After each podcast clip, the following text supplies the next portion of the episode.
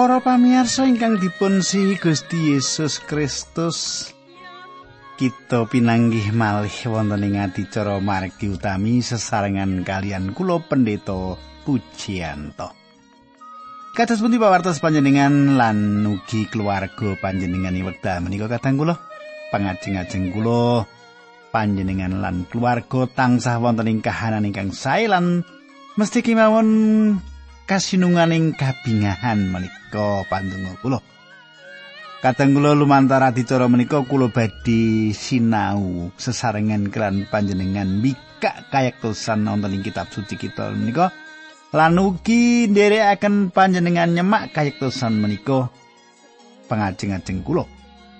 Panjenengan pikantuk berkah secara kasukman lumantar adicara menika lan pandonga kula sanget migunani kangge panggesangan panjenengan. Suking widhangetaken adicara menika.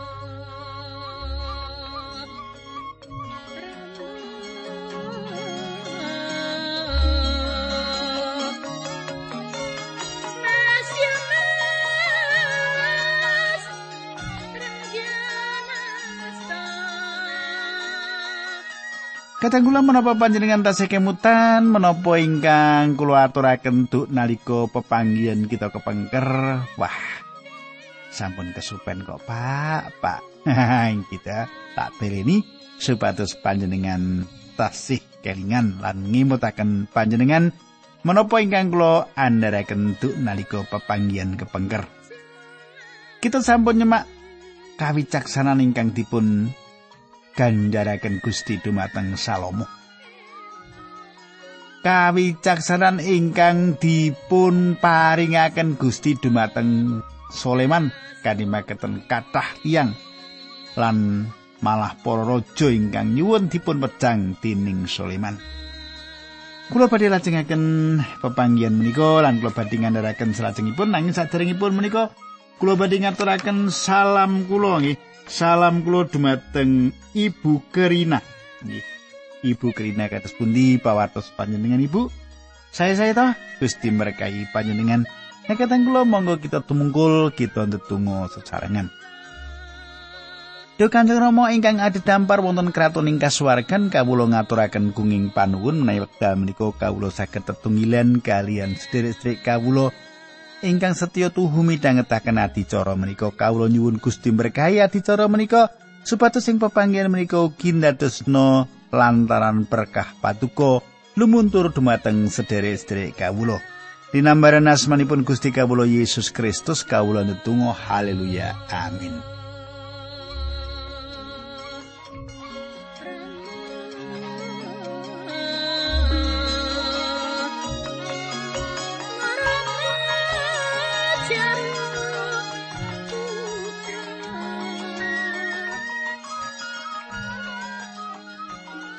Para pamirsa, samenika pasinaon kita sampun ngancik kitab setunggal para raja bab gangsa. Setunggal para raja bab gangsal ayat setunggal makaten suraosipun. Hiram raja Tirus kuwi selawase memitran karo raja Daud. Mulane nalika mireng yen Sulaiman jumeneng raja ngenteni ramane raja Hiram nuli ngutus utusan marang Sulaiman. Para pamirsa, Menapa kemawon ingkang dipun tindakaken Raja Hiram saking Tirus mboten awit Soleman. Ingkang dipun tindakaken kabecikanipun menika mboten awit saking Soleman. Nanging menapa? Nanging awit katresnan. Awit katresnan, awit anggenipun ngajeni, awit anggenipun raos kormat dumateng sinten? Dumateng Daud. Dados mboten awit saking Soleman. Kula lajengaken ayat kalih tiga lan sekawan. Soleman uga kirim wangsulan marang Raja Hiram surasani. Raja Hiram ingkang minulya. Panjenengan temtunipun inggih sampun pirsa pilih Raja Daud bapak kula asring kedah perang lawan mengsah saking negari sakiwa tengenipun. Menika njalari bapak mboten kober yasa papan kangge ibadah dhateng pangeran Allahipun awit Allah dereng nelokaken mengsahipun sedaya. Nanging samenika Gusti Allah sampun paring katetreman Raden sanegari kula sedaya mboten wonten ingkang sengit dhateng kula lan bebaya perang saking Jawi inggih mboten wonten. Para pamirsa namung Gusti Allah. Namung Gusti Allah ingkang gadah pangwaos paring katentreman. Menapa menika katentreman ing jagat menika ugi katentreman ing salebetipun manah. Namung Gusti Allah kemawon ingkang saged paring kalegan ingkang dipun betahaken manahipun menungso namung Gusti Allah kemawon. Inggih menika sebabipun ing wekdal kathah tiyang nampik panjenenganipun minangka jejering raja menawi panjenengan nyemak ing Matius 11 ayat 21 Gusti Yesus tasih saged ngantaraken undangan pribadinipun. Padha mreneo kowe sing padha saya merga mika laput. Kadang kula inggih menika ingkang dipun momoti. Dosa ingkang dipun kajengaken. Kowe bakal ndak parengake ngaso namung Sang Kristus saged maringi papan ngaso kados mekaten menika. Samenika Gusti Allah sampun paring kalegan. Ngaso dumateng Sulaiman wonten katentreman ing sak telatah Israel. Samenika kalajengaken ayat gangsal bab 5. Gusti Allah sampun perjanji mekaten dhateng bapak kula Daud, anakmu sing bakal kok angkat dadi raja ngenteni kowe kuwi sing bakal yoso papan pangibadah kanggo aku. Pramila panjenenganipun raja Hiram ingkang minulya kula, Soleman gadah niat badhe yoso papan pangibadah menika. Kadang kula sinaosa bangunan pedalamanipun Gusti Allah sedaya asalipun saking Daud. Daud mboten dipun ijinaken kangge mbangun pedalaman Allah menika. Saged ugi kita badhe nyinau sawetawis lara-laraipun ingkang wonten gegayutanipun kalian pembangunan pedalaman Allah. Manungsa sampun dados tukang bangun ing wiwitanipun. Ing salebetipun purwaning dumadi sekawan ayat pitulas dipun carisaken bilih kain. Kain lan bojone duwe anak lanang dijenengke Henok, kain nuli ngedekake kutha dijenengke kaya jenenge anake mau ya kuwi Henok. Bumi menika dipun panggihaken kathah beteng ingkang ngubur cukurugan kita-kita ageng lan bangunan-bangunan ingkang saestu indah ing jaman kepengker. Sekep para arkeolog sampun nembus sing salebeting bumi lan panjenengan saged ngaji saben peradaban lumantar inggiling pun bangunan-bangunan. Tiang-tiang menika inggih menika para pembangun. Nanging ugi pados pengayoman wonten ing guwa-guwa tiang Mesir, Asur, Babel, Yunani lan Rom. Sedaya dipun anggap tiang gadah tatanan ing salebetipun arsitekturipun. Kadang kula manungsa modern ngakeni gadah tingkat budaya ingkang inggil awit sampun ngedum lahan. Bangun pusat perniagaan, gedung-gedung apartemen lan gedung-gedung pekantoran ingkang inggil. Sayektosipun jaman samenika manungsa sawak bangun guanipun piyambak kangge gesang lan nyambut damel. Sadangunipun piyambakipun saged mencet tombolan muter alat-alat piyambakipun sanjang bilih piyambakipun gesang inggih menika manungsa modern. Para pamirsa, bangunan-bangunan wiwitan ingkang gigit manah, ingkang geget manah, inggih menika kuil-kuil kangge ibadah.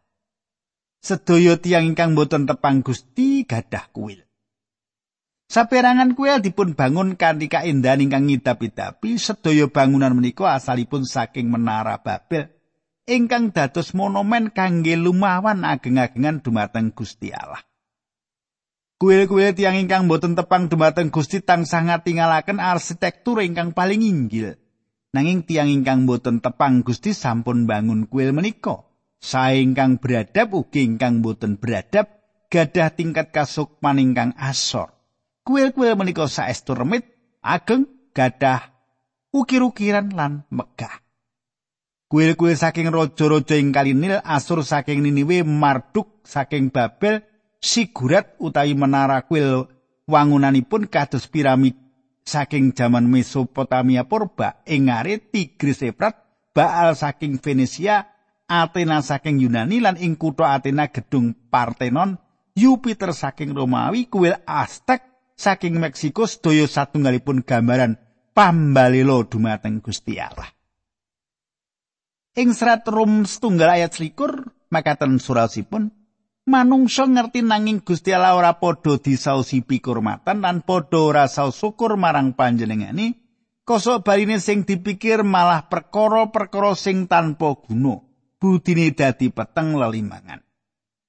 Kadang kula menapa ingkang tiang-tiang tindakaken? Tiang-tiang bangun kuil-kuil ngubah sing padha disembah dudu Gusti Allah sing asipat langgeng nanging reca-reca sing digawe manut rerupaning manungsa sing ora langgeng utawa manuk-manuk kewan-kewan sikil papat utawa kewan-kewan rumangkang Nggih menika Rom 1 ayat 13 saben tiang damel griya kangge alaipun piyambak-piyambak. Nanging kadang kula manut kitab suci pedalaman Soleman dipun bangun boten dianggep minangka satunggal pedalaman kangge Gusti Allah.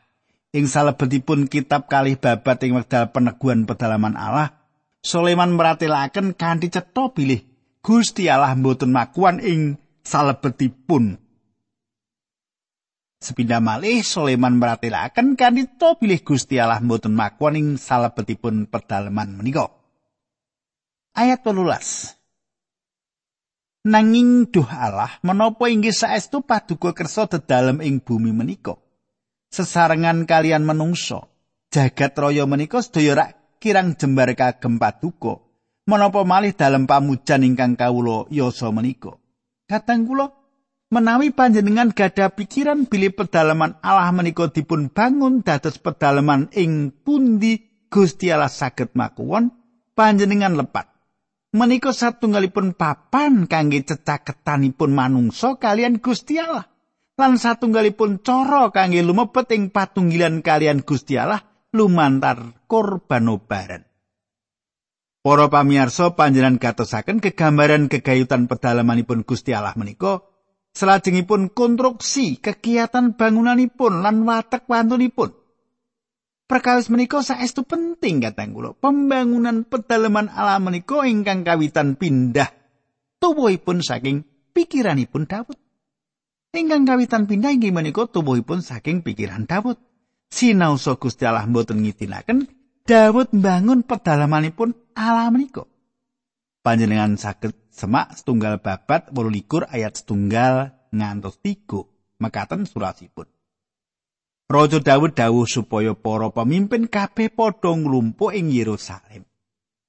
Dadi para lajeri taler, para punggawa urusan pemerintahan, para lajeri trah, para pengawas bondolan raja kayane raja sarta para putra, para kepala urusan kedaton, para perwilan wong gedhe kabeh padha nglumpuk ing Yerusalem.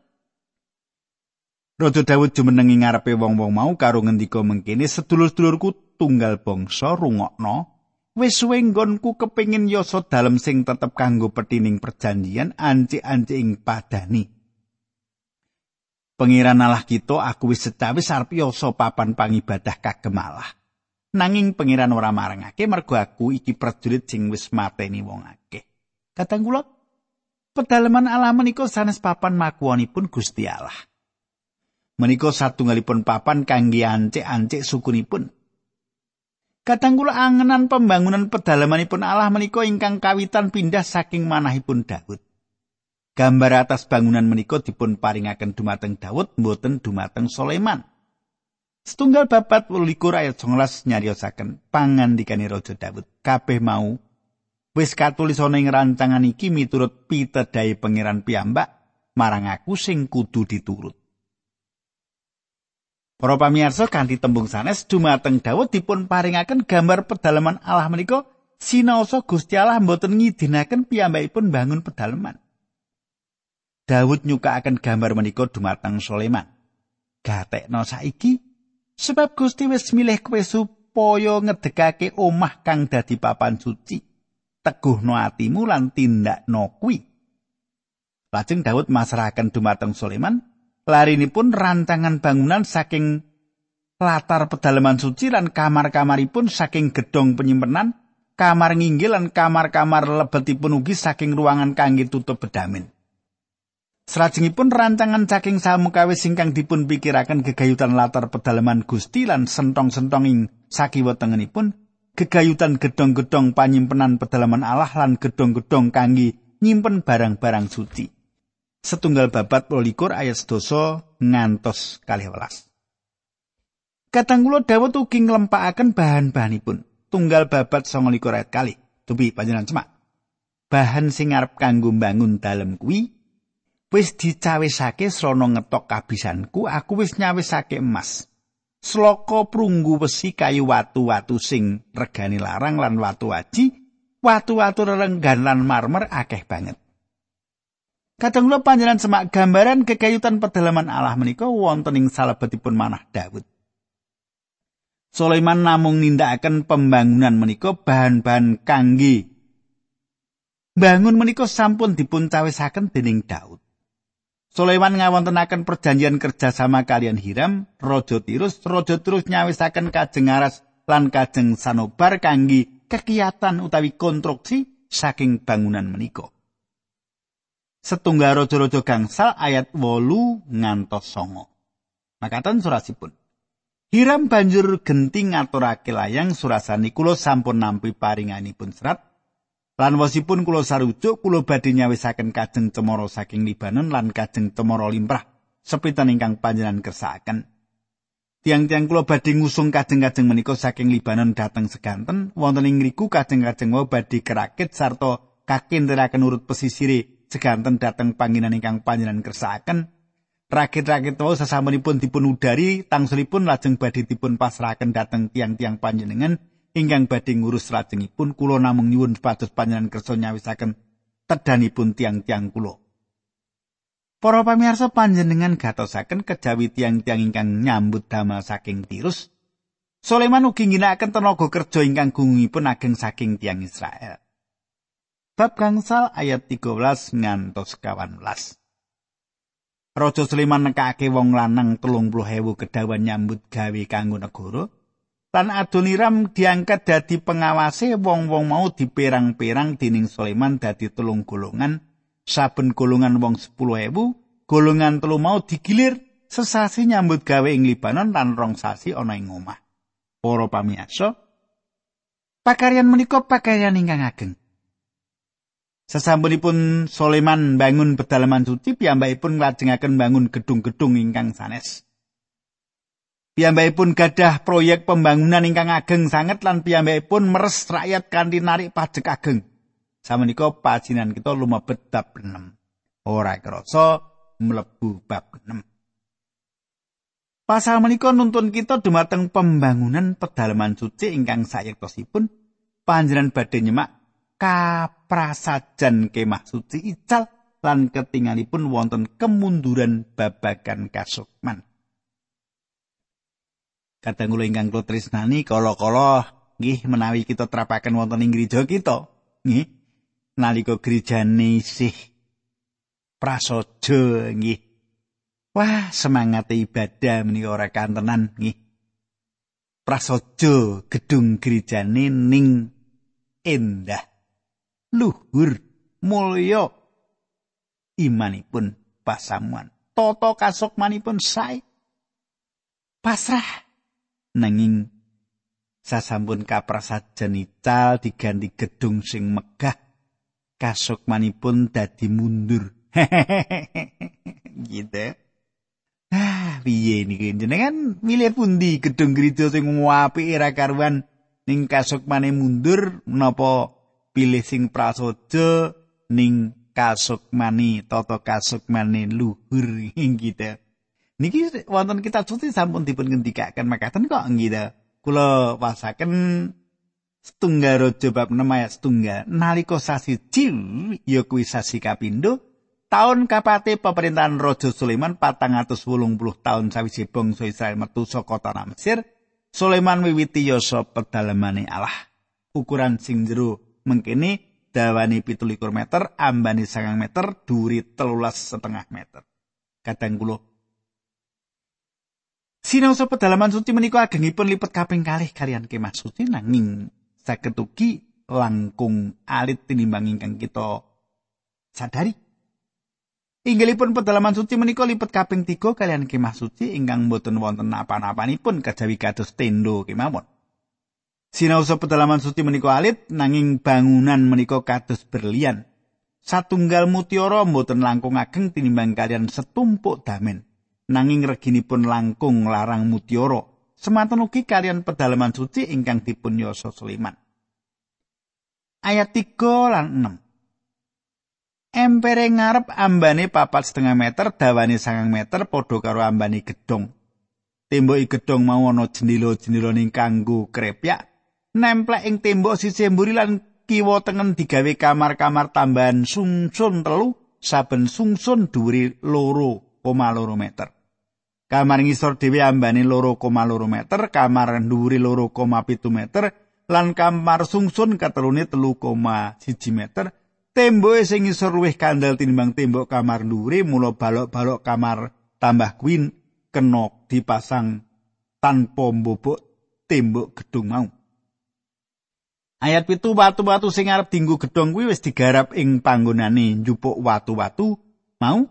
Mulane nalika gedhong mau ditekake babar pisan ora ana suarane wong migunakake palu, wadung utawa piranti wesiliyane.